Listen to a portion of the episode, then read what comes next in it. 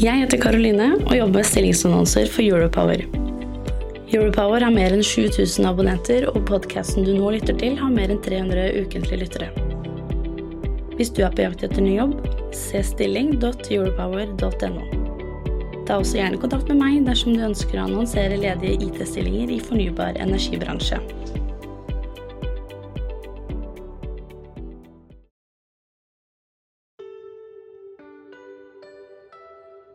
For uh, fire år siden så kom du til meg og spurte om jeg ville være med å investere i, i selskapet ditt. Hva svarte jeg da? Nei, du sa at det passet ikke, tror jeg det var.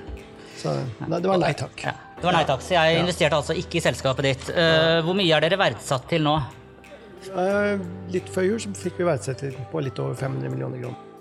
Du lytter til energibransjens temapodkast med annonsørinnhold fra Oliasoft, digitalisering av boring og brønn. Velkommen til live podkast her med Energy og energibransjens temapodkast. Jeg heter Skjul Kristian Aamodt og er energiambassadør i Energy. Og, med meg i studio i dag så har vi André Bakken, som Hva er du? Ja, jeg jobber i Olasoft, som er et selskap som lager software for oljebransjen. 500 millioner kroner. Jeg kunne vært med på å ledd hele veien til banken, men jeg valgte å si nei, og står isteden her og intervjuer deg. Så det er jo en skjebne. Vi har også gjester i studio her i dag, så hvis dere hører noe latter, så er det disse. Så går vi da direkte ut live på Facebook.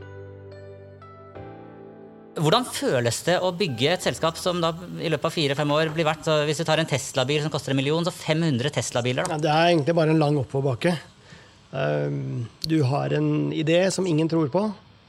Og så begynner du å samle mennesker og ressurser for å komme i gang. Og da, litt etter litt, så begynner folk å tro på det. Og ja, så blir det et produkt litt etter litt. Og det er, det er sånn det føles, egentlig. Men hvordan har dere gått ut for å, for å finne investorer? Eh, vi pleier et stort nettverk av mennesker som har interesse for bransjen og for, for investeringer i sånne selskaper som det vi er. Og, og, og vi informerer de og snakker med de og forteller de om mulighetene og hvor langt vi har kommet. Og man bygger på tillit. Det er det det handler om til syvende og sist. Og behov. Da. Hvor mye gikk investorene inn med nå? Ja, vi hentet uh, totalt ne, ja, litt over 50 millioner kroner. Dere starta med hvem er det da som eier Oliasoft? Ja, Det er oss som starta, som du sier. Og så er det de ansatte er blitt med. Og så er det investorene som uh, også har fått en andel. Så er jo dere inne i denne litt ukule oljebransjen. Altså et tech-selskap som går inn i oljebransjen. Og jeg leste opp her fra, fra DN.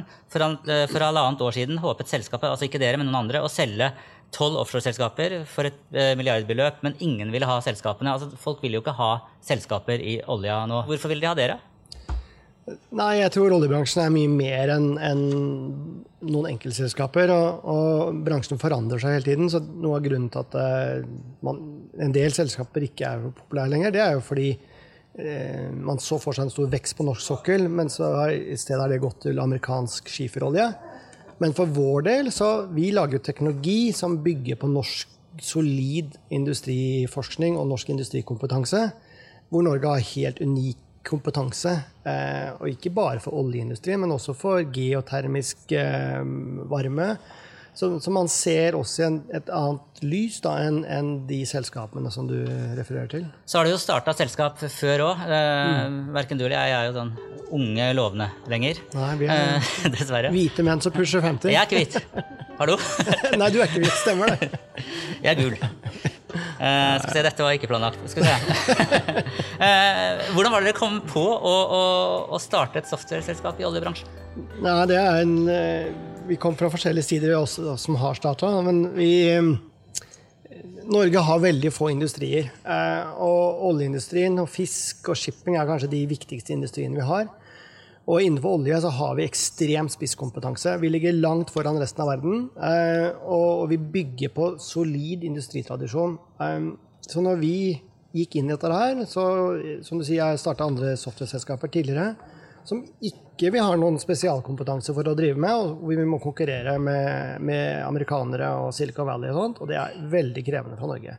Men på oljesiden Så på engineering så har vi veldig stor eh, forskning basert på IFE som ligger utafor Kjeller. Går langt tilbake til, helt tilbake til disse atomreaktorene vi bygde etter annen verdenskrig. Og så har vi på Norse, som ligger eh, i Stavanger, som tidligere het eh, Rogalandsforskning, tror jeg. Eh, men i disse, om, disse forskningsinstituttene så har vi over lang tid bygd opp veldig, veldig høykompetente miljøer og masse bra kompetanse som vi bruker i vår, vår industri. Da. Men så bidrar jo oljebransjen til klimautslipp. Mm. Global oppvarming er stor trussel. Mm. Som tech-hode, hvorfor skal man velge å gå inn i olja når man kan egentlig velge å vrake mellom alle typer spennende jobber? Hvis du bor i Norge, så er oljebransjen etter min mening en, en, et, et, område hvor du kan bidra til å være med å forandre verden. Eh, oljebransjen skal digitaliseres, den skal forbedres, og, og der kan du som tech-hode gjøre en virkelig stor forskjell. Eh, og selv om vi skal eh, ned på togradersmålet til FN, så skal verden fortsatt bruke mellom 60 og 80 millioner fat olje hver dag. Eh, I dag bruker vi 100. Det er ikke mulig å, å gjøre Tyskland grønn uten norsk gass. Så det, det, er ikke noe konflikt etter min mening mellom klimamålene og norsk oljeindustri. Det er, de to går veldig veldig fint sammen. Og, og, ikke alle vil være enig i det? Nei, det er helt sikkert mange som ikke er enig i det. Men, men vi skal leve, og vi skal ha en viss levestandard. Og, og, energi vil vi mennesker trenge. Og da er olje en del av det. Eh, og hva er det Oliasoft skal være med å løse? Vi spesifikt lager jo software for å bore brønner. Eh, og vi bidrar til å effektivisere den prosessen mye. Og blir en del av en digital verdikjede. Hvor mange ansatte er det i Olasoft? Eh, vi er 30 internt, og så har vi masse konsulenter i tillegg. Så totalt sett er det mellom 70 og 80 mennesker som bidrar til det produktet. her.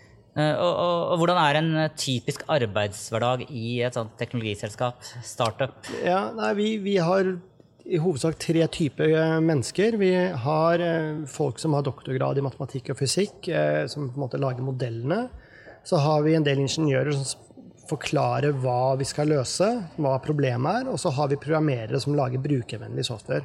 Så disse tre jobber tett tett sammen, så er veldig ulike faggrupper, men også veldig høykompetente mennesker. Altså Dere har henta inn penger, mm. eh, dere kan vokse. Eh, ja, og vi vokser. Ja. Og dere vokser. Ja. Ser dere etter folk nå? Vi ser etter folk. Hva slags type folk? Nei, det er de typene jeg har snakket om. Eh, programmerere er vi ute etter. Vi er ute etter eh, bordingeniører som er eh, flinke, og vi er ute etter det vi kaller data scientist.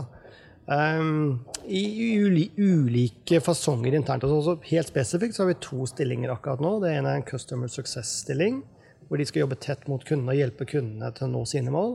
Og det andre er en som skal være ansvarlig for produktutviklingen. Også. Og de stillingene de finner man jo både på oliasoft.com og, og, på Enery under ledige stillinger. Det gjør vi. Ja. Ja. Dere starta i 2015 og har en fantastisk reise bak dere. Mm. Uh, men uh, dere er jo ikke i mål. Uh, hvordan blir reisen fremover? Eller hva, hva håper dere, hvordan håper dere at reisen blir fremover? Ja, det er et godt spørsmål. Jeg tror Norge må tenke nøye gjennom hva vi ønsker å gjøre som land. fordi at det er veldig lett å si nei, olje skal vi avvikle, men, men Norge har et fortrinn på olje. Og vi må bygge på den industritradisjonen vi har der. Og hvis vi, og Norge ønsker å lage noen software-selskaper, så må vi bygge de på de sterke industrielle vertikalene vi har, og oljeindustrien er en av de. Så jeg tror det er mulig å lage et stort software-selskap i Norge som server oljeindustrien. eh, worldwide. Vi ligger langt, langt foran resten av verden. Uh, og vi, vi, klarer ikke å konkurrere med utlandet eller med Silicon Valley på, på Facebook eller på sosiale medier-type plattformer. Det, det, det er, vi har ikke sjans. Men på oljeindustrien, som er en sær bransje, der er vi konkurransedyktige. Så det å lage et stort olje-, og serviceselskap, det har vært veldig gøy. Da sier jeg tusen takk til eh, deg, André, for en bra prat. Og så, så er det jo da, for de som ønsker å søke på stillinger hos dere, så er det jo enten på olasoft.no Eh, kom, eller på Energy under eh, ledige stillinger. Stemmer ikke det? Jo, tusen takk for skyld. Du har lyttet til energibransjens temapodkast med annonsørinnhold fra Oliasoft, digitalisering av boring og brønn.